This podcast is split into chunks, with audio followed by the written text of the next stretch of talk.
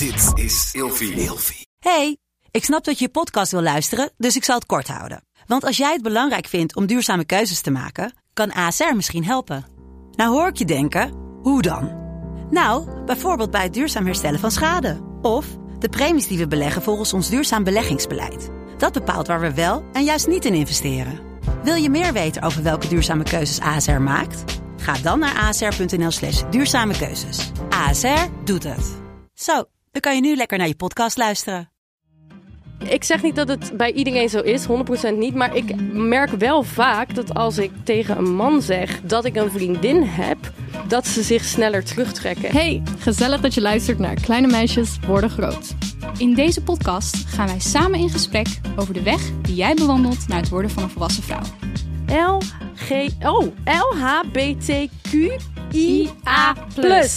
Ja, jongens. Een hele mond vol. Een hele, de alfabetmafia. Ja, ja, ja, ja, ja.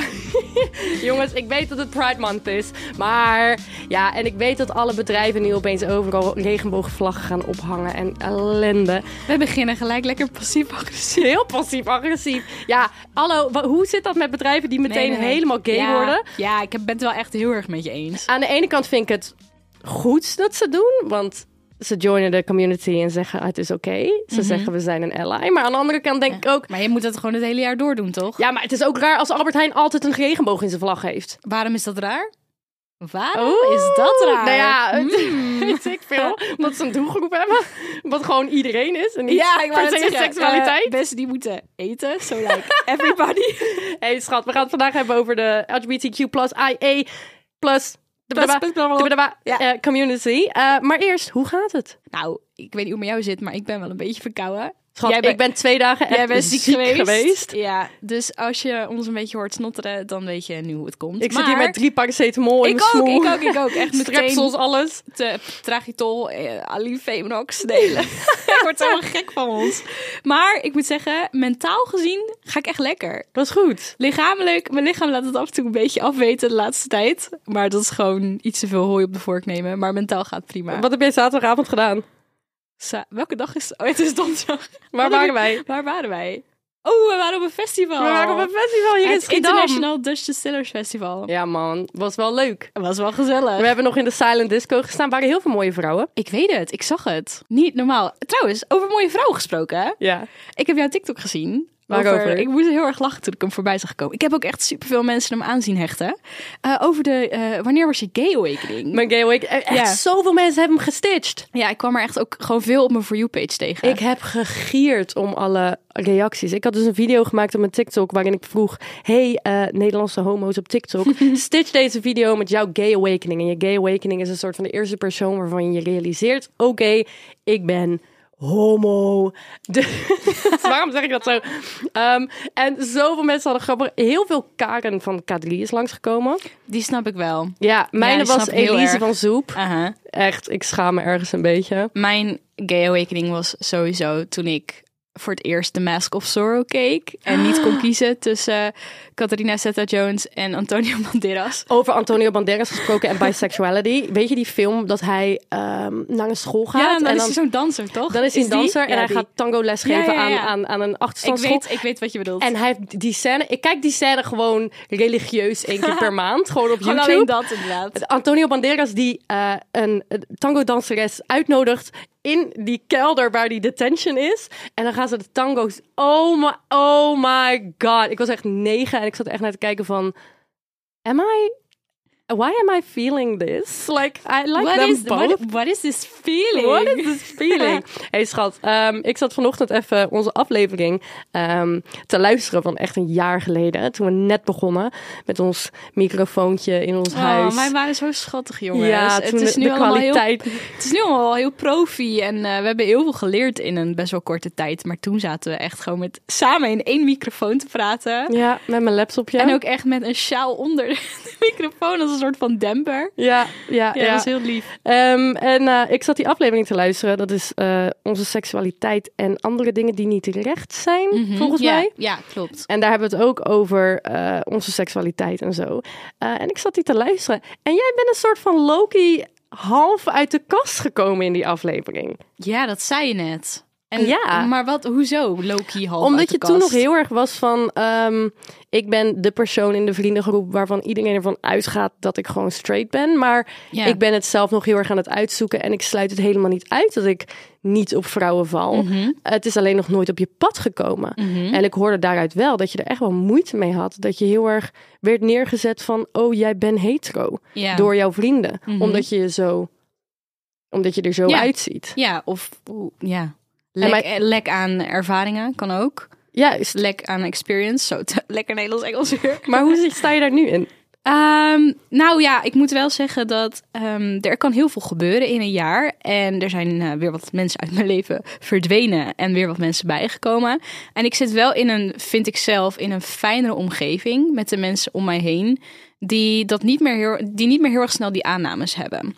En die iets opener ernaar kijken. En als het ter sprake komt, dat ik dan ook gewoon eerlijk kan zeggen van ja, ik weet het niet zo goed. Eh, ik zie mezelf niet als per definitie als heteroseksueel. Ehm, nou, we hebben dit gesprek toen ook gehad, Ja. volgens mij. Maar hoe zit het dan? Wanneer ben je dan biseksueel? Moet je daarvoor echt een vriendin hebben gehad? Moet je daarvoor echt seks hebben gehad? Ja, maar wat ik wel grappig vind, is dat... Kijk, het is voor mij... Mijn seksualiteit is geen geheim. Als, of je nou bevriend met me bent, of je bent een compleet vreemde... of je luistert naar de podcast en je spreekt me aan. Je mag er altijd naar vragen. En ik sta er altijd voor open om een gesprek te over, over te hebben met je. Maar ik bedacht me net wel... Goh, ik heb nooit mijn ouders echt op de bank neergezet en gezegd... Hi, pap, mam. ehm, dit ben ik. Zo zit het. En ja, ik weet niet. Die, die behoefte heb ik nooit gevoeld. Hoe Maar- komt dat, denk je? Nou, daar ging ik dus over nadenken. En toen dacht ik ook van ja, ik ben ook nog nooit echt met een vrouw thuisgekomen. Dus misschien is dat wel hetgene wat ervoor heeft gezorgd dat ik dat nooit heb gedaan. Op het moment dat ik daadwerkelijk misschien een vriendin zou hebben, dan zou ik misschien wel even tegen mijn ouders zeggen van hé, hey, laten we even een babbeltje hebben hierover. Maar is het dan zo? Want kijk, ik, ik ben een soort van uit de kast gekomen voor mijn ouders toen ik het zelf nog niet eens zeker wist. Zou het dan, ik ben nu aan het speculeren, hè, maar Ja, zou het dan misschien zijn dat het voor jou gewoon letterlijk minder zwaar op je ligt? Want voor mij was het wel heel erg eh, alsof er iets uit moest. Ja, Ook al dat- had ik het nog niet meegemaakt, wist ik wel heel zeker Ja. van dit ben ik wel heel erg. Ja, ik hoor wat je zegt. Ik voel inderdaad een bepaalde mate van, in ieder geval acceptatie in mezelf, maar ook luchtigheid, dat het gewoon allemaal niet zo vast staat of hoeft te staan. En tegelijkertijd ehm, ben ik ook wel eens bang dat juist doordat ik me zo voel, doordat ik die zwaarte niet ervaar die sommige mensen ervaren, eh, dat ik daardoor minder serieus misschien genomen word over mijn seksualiteit. Snap je wat ik bedoel? Zeg het nog eens. Nou, doordat ik niet door een hele heftige periode bijvoorbeeld ben gegaan, waarin ik echt geconfronteerd werd met mijn, met mijn seksualiteit of met mijn echte ik. ehm, dat heb ik nooit gehad. Ik denk ook niet dat ik dat ooit zou krijgen. Je weet het natuurlijk niet zeker, maar daar ga ik niet van uit. Ik ben wel eens bang dat mensen me daardoor minder serieus nemen in mijn seksualiteit. Omdat het voor mij nooit een struggle is geweest Hmm. omdat ik eh, niet de behoefte voel om mijn ouders op de bank neer te zetten en te vertellen hoe het zit. Dat het voor mij gewoon oké is hoe het nu is en dat ik het allemaal wel kan zien. Of dat, ja, dat. Ik snap niet precies wat je bedoelt met. ehm, Nee, ik snap niet precies wat je bedoelt. Ja, lastig. Oké. Voel je je privileged? Ja, ik, ja, nee, je slaat eigenlijk precies de spijker op zijn kop. Ik voel, ik vind het best ergens misschien wel nog steeds. En dat zegt misschien ook wel iets over de maatschappij waar we nog steeds Mm, in dat leven. denk ik ook. Ja, dat ik me ergens ook wel. ehm, ik vind het een privilege dat ik die struggle niet heb. En tegelijkertijd ben ik dan. Is er ook een deel van mij wat bang is om dan niet serieus genomen te worden. Ja, ik, ik vind het wel heel mooi dat jij niet. ehm, dat jij dusdanig bent opgegroeid. dat je niet de behoefte voelt om. dat je gewoon het afwacht en toch wel weet dat het goed komt als je een vriendin krijgt. Ja, want ik weet echt 100% zeker dat mijn ouders er oké mee zouden zijn. Juist. Ja. En ik wist denk ik ook wel toen ik uit de kast kwam dat mijn ouders er oké mee waren. Maar uit mijn milieu, wat gewoon best wel heftig christelijk was, was dat wel veel, veel meer een ding. Ja. Ik wist wel dat ze er oké mee zouden zijn, maar ik wist niet wat in the end. Mhm. Maar ik wist niet wat de reactie zou gaan worden. Ja. Maar hoe is dat dan nu? Want jij hebt nu een vriendin. Ja. Hoe, hoe ervaar je dat? Met mijn, met mijn ouders of in het algemeen? Ja, allebei. Mijn ouders zijn sowieso echt heel chill ermee. Mijn ouders zijn, ehm, hoe ouder ik word, hoe meer ik door heb. ik zie heel veel dingen die heel fout zijn gegaan. Mhm. Maar ik zie ook heel veel dingen die heel goed bedoeld waren. In je opvoeding bedoel ja, je? in mijn opvoeding. En ik zie dat mijn ouders echt extreem goed zijn in loslaten. Dus ik doe soms Fijn. dingen waar ze het niet per se misschien mee eens zijn. Eh, nu zeg ik trouwens niet dat ze het niet eens zijn met mijn lesbische relatie. Eh, maar gewoon over het algemeen. Soms doe ik dingen waarvan ik weet dat ze het niet eens zijn. Maar ze zijn heel goed in loslaten. Dus met mijn ouders, qua seksualiteit heb ik geen probleem. Maar ehm, ja, in de vorige aflevering had ik geen vriendin. In de vorige aflevering had ik eigenlijk, was ik En we hebben het over de aflevering van een jaar geleden. Dus niet die van vorige week. Nee, ja, voor de ja. duidelijkheid. Ja, van een jaar geleden. Ehm, ik, ik kan met eerlijkheid zeggen, en ik heb hier een gesprek over gehad met die vrouw in kwestie. De eerste vrouw waarmee ik seks had, ehm, was eigenlijk heel intiem, heel fijn. En dat was heel erg ehm, zoals het hoort, soort van. Omdat het echt wel liefdevol was. Ehm, en daarna heb ik eigenlijk alleen maar heel veel lustige, semi-dronken seks gehad met vrouwen. Omdat ik gewoon heel erg op zoek was naar dat gevoel. En ik raakte heel erg in de war, omdat ik al met, met vrouwen seks had, maar er eigenlijk niet er iets bij voelde of zo. Ehm, en ik vond het ook allemaal heel spannend. Ik vond vrouwen in het algemeen heel eng. Kan ik me nog heel goed herinneren ik was echt, ik was Jij, was, jij vond het heel intimiderend, ik hè? kon niet seks hebben met een vrouw zonder dat ik of aangeschoten was of iets. Ehm, omdat ik omdat ik gewoon zo veel faalangst had. Heb je daardoor ook getwijfeld of je gevoelens wel echt waren? Ja, ik dacht, ik ben gewoon eh, zo'n Gen Z eh, snowflake die eh, meedoet met de hele trend van biseksualiteit. Ja, maar ik ga mezelf ook shit aanpraten. En ik wist wel ergens in mijn hoofd, ja, je schat, je valt gewoon op vrouwen. Maar ik had alleen maar seks met vrouwen waarvan ik eigenlijk ergens een beetje bang was. Ik heb zelfs een keer een paniekaanval gehad terwijl ik seks had met een vrouw. En toen kwam ik met mijn vriendin van nu. En het viel gewoon op zijn plek of zo. En het werkte. En toen, toen pas, toen ik met mijn vriendin was, realiseerde ik me dat die eerste keer seks die ik had met die meid, dat was ook hoe het hoorde. En alles wat ik daartussenin deed, was een soort van rare, loze. Omdat ik gewoon, het was allemaal half, omdat ik eigenlijk niet durfde en het niet begreep. En ik het eigenlijk maar deed omdat ik op, heel erg op zoek was naar iets en het niet kon vinden. En wat ook waar is, en ik, ik weet niet hoe ik goed hoe ik dit onder woorden moet brengen. En ik hoop dat er mensen zijn die luisteren die begrijpen wat ik zeg. Maar ik ben jarenlang heb ik niet echt geweten wat mijn seksualiteit was. Nou, ik wel heb ik altijd gezegd, ja, ik ben biseksueel of queer of whatever. Ehm, maar ik was altijd bang voor vrouwen. Dus ik dacht inderdaad, het zit in je hoofd. Ehm, en toen, ik weet nog dat ik met mijn eh, vriendin, ik denk dat we bijna samen waren, we liepen echt, we deden boodschappen. En ik voelde een soort van voor het eerst wat het is om een relatie te hebben met een vrouw. En het was zo overweldigend dat ik bijna moest huilen. Omdat ik zo blij was dat ik dat er een heel deel van mij een soort van klikte van.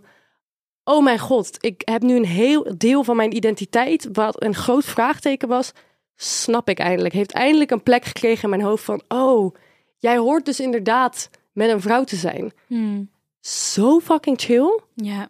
En ik, ja, het is, ik vind het een raar gevoel om te beschrijven, maar dat is wel wat het was. Het is fijn dat jij voor jezelf die soort van bevestiging hebt, toch hebt gevonden of zo. Ja. Dat al die twijfels weg zijn gegaan. Ja, gewoon een deel van mijn identiteit. Maar ik denk ook wel dat het goed is om aan te kaarten dat als je twijfelt over je seksualiteit of je wil jezelf niet labelen, dat dat ook oké is.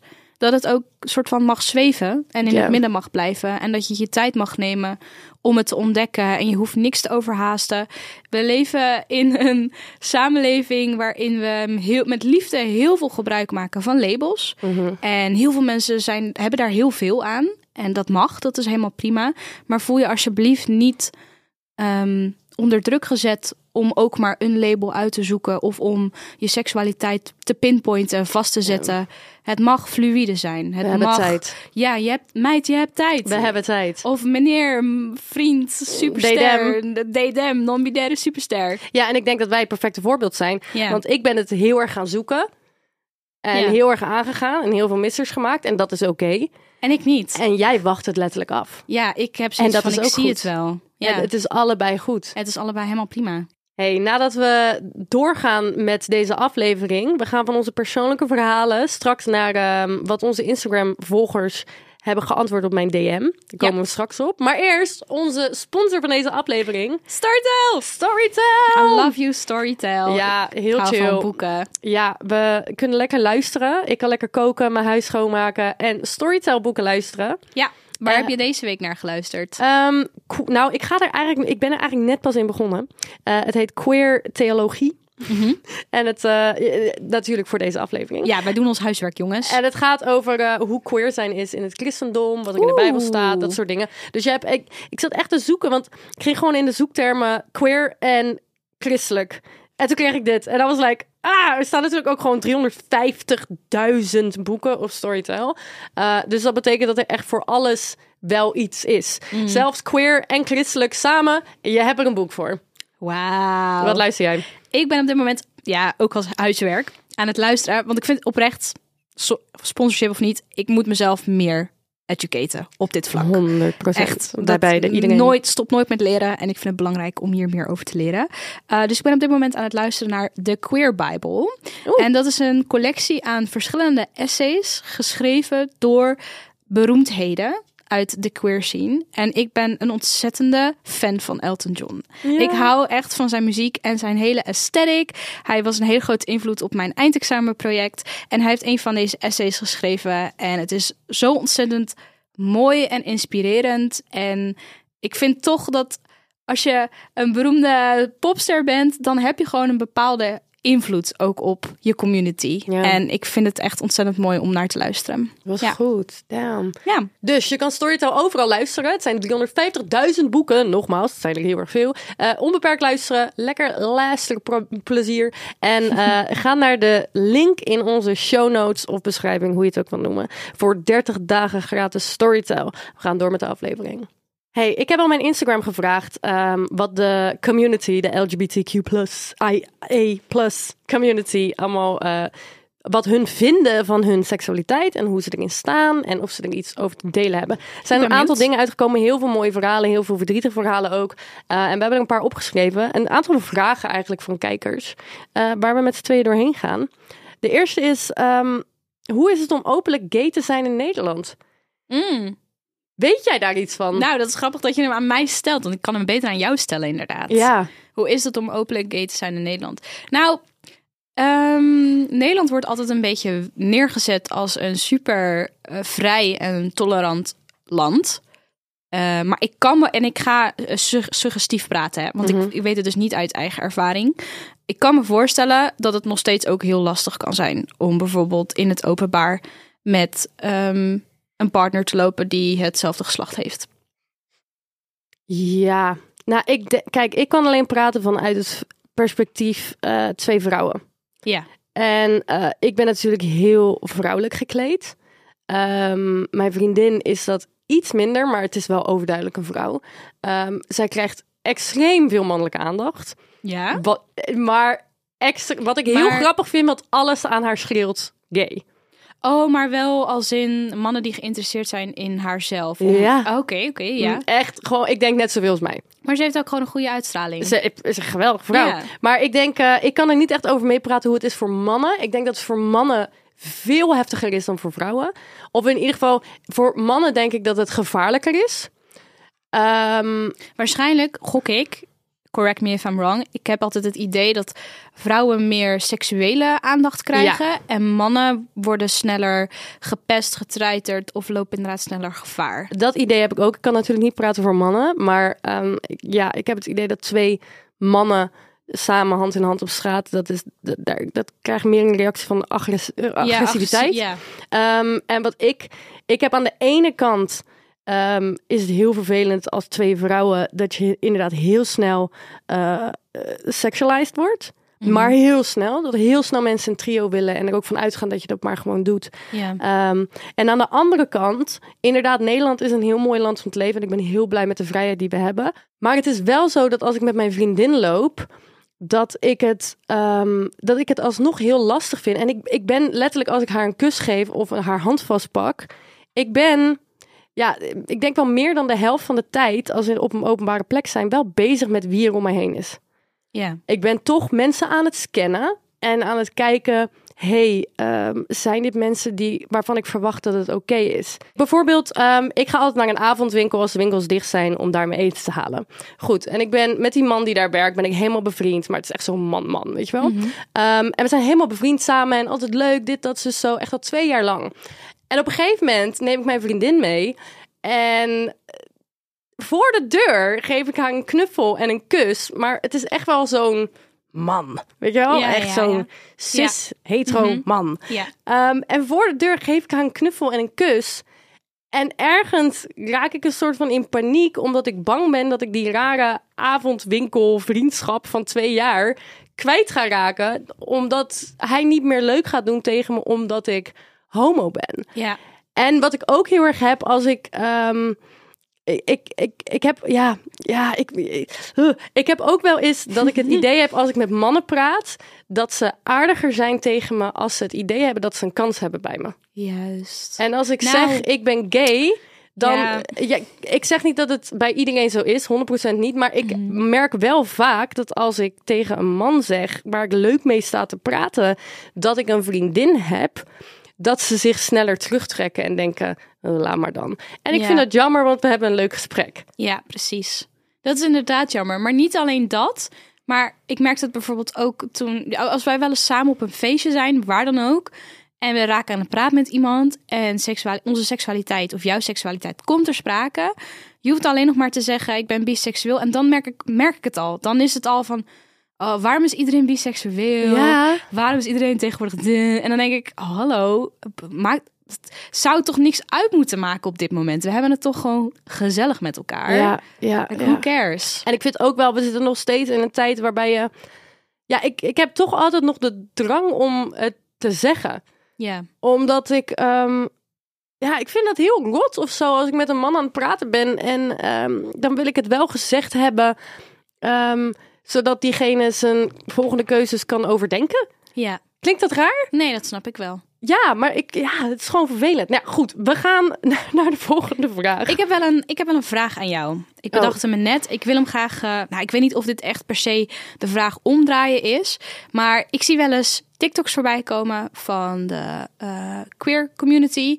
En ehm, dat gaat dan over bepaalde uitgaansgelegenheden in Nederland. Volgens mij is Club Nix er ook eentje van. Dat weet jij waarschijnlijk wel in Mhm. Amsterdam. Eh, ja, maar als in, is dat een speciale club nou, dat voor... is wel een van de grootste gay clubs. Ja, precies. Nou, dat wilde ik even, even factchecken voor de zekerheid, jongens. En ik zie dan wel eens TikToks voorbij komen van eh, de community die daar dan naartoe gaat, omdat ze zich daar veilig voelen en lekker hunzelf kunnen zijn. Maar dat ze het heel vervelend vinden als, dat, als zo'n plek overladen wordt met heteroseksuele mensen. Mhm. Hoe, zit, hoe zit dat precies? Ik vraag me, dit is een oprechte vraag. Ik vraag me echt af hoe steekt dat. Want voor mij maakt het niet uit, zeg maar. Maar ja, dan Ja. voel ik me wederom weer. Zit ik weer voor voor mijn gevoel in een privilege-positie hier? Hoe zit dat? Wat is jouw kijk daarop? Ik kan aan de ene kant heel goed begrijpen inderdaad dat er mensen zijn die dat eh, die denken, ja, waarom doe je moeilijk? Want ik wil gewoon leuk meefeesten en ik, ehm, ik, ik, eh, ik accepteer jullie en ik wil gewoon leuk meedoen. Maar ik kan aan de andere kant ook heel goed begrijpen. Er zijn al heel veel clubs waar hetero mensen heen mogen. Ehm, en ehm, homoseksuele mensen die gaan naar een gay club om zich veilig te voelen. En ehm, als dan het wordt overladen met hetero's, ehm, er zit er toch altijd net een randje van, oeh, een soort van ehm, poppenkast kijken. Juist. Snap je? Het is een Ja. beetje hetzelfde als met kleding over Ja. een naaktstrand lopen. Hmm. Het, het voelt, het voelt, het- sommige mensen voelen een beetje alsof ze even naar de poppenkast komen kijken. En ik denk dat het ook gaat om. Ik, ik, ik vind dat ook vervelend als ik bijvoorbeeld naar een, een gay bar ga eh, en ik spreek een vrouw aan en ik ben daar leuk mee aan het praten. En dan zegt ze: Oh, maar eeuw, ik ben gewoon hetero hoor. Mhm. En dan Ja. denk ik: ah, Oké, sorry, je staat in een gay bar. Ja. Het spijt me dat ik je aanspreek. Ja. Hou op, weet je wel. Ik hoor je. En ik denk dat dat, dat, dat ja, dus snap je. En er zijn nog, er zijn zo, maar ik snap ook heel goed dat er hetero's zijn die de vibe van een gay bar of club veel leuker vinden. Want laten we eerlijk Mhm. Juist zijn. omdat het zo veilig en accepterend is. Ja, want Ja. Een, eh, wat een hetero club, zo raar om het zo te noemen, maar dat is, Ja. er zit echt een andere vibe aan. Sowieso, als ik als vrouw zijnde buiten mijn seksualiteit om, zou ik ook liever naar een naar een club niks gaan. Gewoon omdat ik me daar in eerste instantie als vrouw al veiliger zou voelen dan gewoon een club waar, waarvan ik weet van hier komen gewoon heel veel mannen die ja, misschien gekke plannetjes hebben. Ja. Dus die afweging snap ik ook ergens weer. Ja, dus ja, ik, dus ik, kan, ik kan beide kanten begrijpen. Maar ik kan ook heel goed begrijpen ja, dat de gay community zoiets heeft van... geef ons in ieder geval dit. Ja, Ja, En tegelijkertijd, en ik, ik, dit gaat heel controversieel zijn. Dit is niet mijn mening, maar ik kan me wel voorstellen dat er mensen zijn die zo denken. Er blijft dan wel een scheiding tussen heteroseksuele mensen en de queer community. ja, Dat blijft er wel. ja. Want we hadden het ter voorbereiding van deze aflevering ook over. eh, want ik vroeg aan jou: is uit de kast komen, is dat eigenlijk nog een gedoogde term?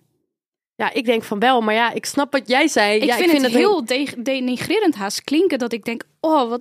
Ja, het is nog. oh, Het is dus echt nog nodig. Waarom dat noemen we dat eigenlijk zo? Waarom noemen we dat zo inderdaad? Uit de kast komen. Ja, is het niet gewoon. Kan, ja. Ramon, kan jij dat opzoeken? Ja, onze Dankjewel. Dan gaan wij even naar de volgende vraag. En dat is, heb je tips om uit de kast te komen? Oh ja, nou ja, wat we net al een beetje zeiden. eh, creëer een veilige omgeving voor jezelf. Ditch alle haters. Of het Ja. nou gaat om je seksualiteit of andere dingen. Ehm, creëer eerst een omgeving voordat je stappen zet aan mensen die je vertrouwt. Ja, dat denk ik ook. Ja, En het is natuurlijk, ja, ik kan echt niet hele goede tips geven. Omdat voor sommige mensen die situatie gewoon echt extreem moeilijk en onveilig is, misschien zelfs. ja. Ehm, dus ik, ik, ik ben ook in a way very privileged. En in a way ook helemaal niet. Ehm, want ik heb ook, als je de vorige aflevering luistert, dan hoor je ook de struggles die ik heb gehad met christelijk geloof en uit de kast komen. Ehm, dus eh, ja, het is heel lastig als je, in een, als je in een omgeving opgroeit waar het gewoon niet oké is. Maar ja, als je dan in ieder geval de leeftijd krijgt waarbij je je eigen familie kan creëren, dat. ga dat dan doen en ditch alle mensen die, ehm, die, die, die, ja, die negatief zijn in jouw leven. En maak een familie om je heen van vrienden die jou wel accepteren. Ja. Volgens mij heeft Ramon een antwoord. Ja, zeker. Ehm, in de jaren 50, toen homoseksualiteit in Nederland nog verboden was, kwamen er steeds meer bewegingen voor homorechten. Coming out, wat stond voor jezelf presenteren, en The Closet, wat stond voor geheime openbaren, smolten samen tot één gezegde. Hm. Zo is in die tijd het gezegde uit de kast komen ontstaan. Wauw. Oké, maar zeggen wij in het Engels ook coming out of the closet? Ik, heb het ik heb het idee dat het wel ook een term is wat zich ook I'm naar het Engels heeft out. vertaald. Het is een coming out, en dat is eigenlijk Ja. een verkorting van het Engelse eh, coming out the, of the closet, Ja. inderdaad. Damn. Wauw, oké, dankjewel voor deze info. Hey Daphne, wat als je hoort bij de LGBTQIA plus community, maar je voelt er niet mee verbonden? Oeh, maar Dus wat is dan je- de vraag? Hoe je je, daar hoort om er- mee moet gaan? Of... Ja, nee, gewoon. Wat is jouw mening daarover? Je, je, je hoort erbij. Ik, ik denk dat jij dit wel ergens kan.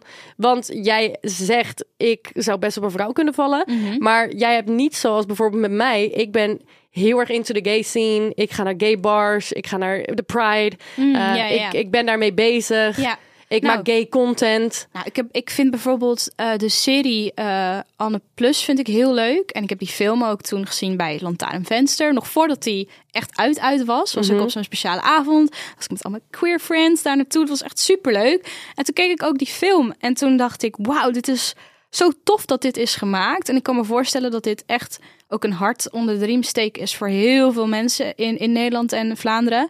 Ehm, maar ik heb nooit de behoefte gevoeld om eh, het van de daak te schreeuwen of om dat echt een gigantisch groot onderdeel te laten zijn van wie ik ben. Ja. En ik denk dat dat ook oké is. En ik denk dat er heel veel mensen zijn die, die dat die mening delen, maar die hoor je dus ook gewoon niet. Of in ieder geval een heel stuk minder. Ja. Die zijn, gewoon, die zijn er echt, maar die zijn gewoon op de achtergrond. Ja. En het is net zo valid. Het is, dat maakt niet uit. Dat is niet beter of slechter in mijn opinie. Ja, over niet bij de, je wel bij de community horen, maar je niet verbonden voelen. Ik weet nog dat er een eh, oud vriendin van mij kwam eten bij ons.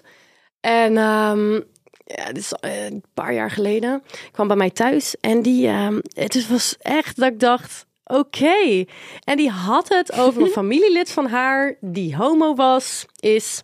En die zei, ja, maar weet je, hij is niet zo... eh, zo homo, weet je wel. Hij is niet zo extra op de pride. En hij doet niet allemaal glitterdingen aan. Dat kan toch ook gewoon? En toen dacht ik, ja, oké, dat jij niet bij die community hoort. Waarom doe je nou alsof alle homo's eh, quote-unquote normaal moeten zijn? Mhm. Ik denk dat er ook heel veel mensen zijn die zoiets hebben van... ook vind het wel oké als je homo bent. Maar de pride en zo, doe even normaal. Dat ze dat dan weer too much vinden. Dat ze dan zo. drag queens, dat ze zitten van... oh, dat is echt too much. Nee, dat slaat echt helemaal nergens Maar op. snap je, ik denk dat daar heel veel mensen van zijn. Maar dan denk ik bij mezelf... Ja, maar dan denk ik... Ik denk ook ergens die extravertheid van de community heeft niet per se te maken met ehm, homoseksualiteit.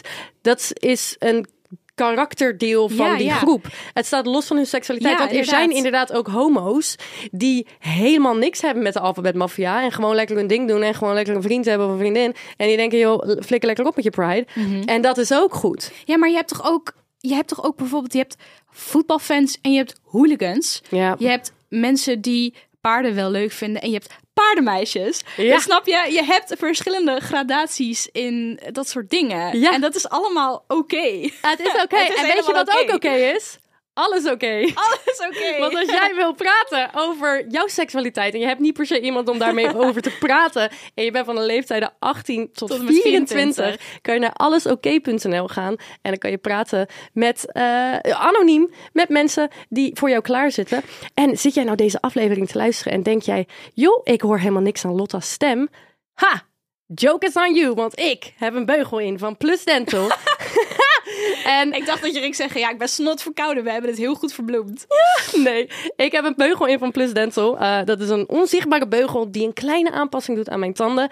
En als je de code LOTTE gebruikt, kan je 500 euro korting krijgen op jouw behandeling. Hoe chill is dat? Zie jij iets aan mijn smoel? Ik zie helemaal niks aan je Helemaal small. niks. Helemaal niks. En je hoort ook niks. Jongens, vind je het nou leuk om ons te volgen op TikTok of op Instagram? grotemeisjes.depodcast. En vergeet ook niet even de bonusaflevering van aankomende vrijdag te beluisteren. Wordt helemaal leuk. Via Spotify en of vriend van de show. Doei. Bedankt voor het luisteren. Happy Pride Month. Happy Pride week. Month. Doeg.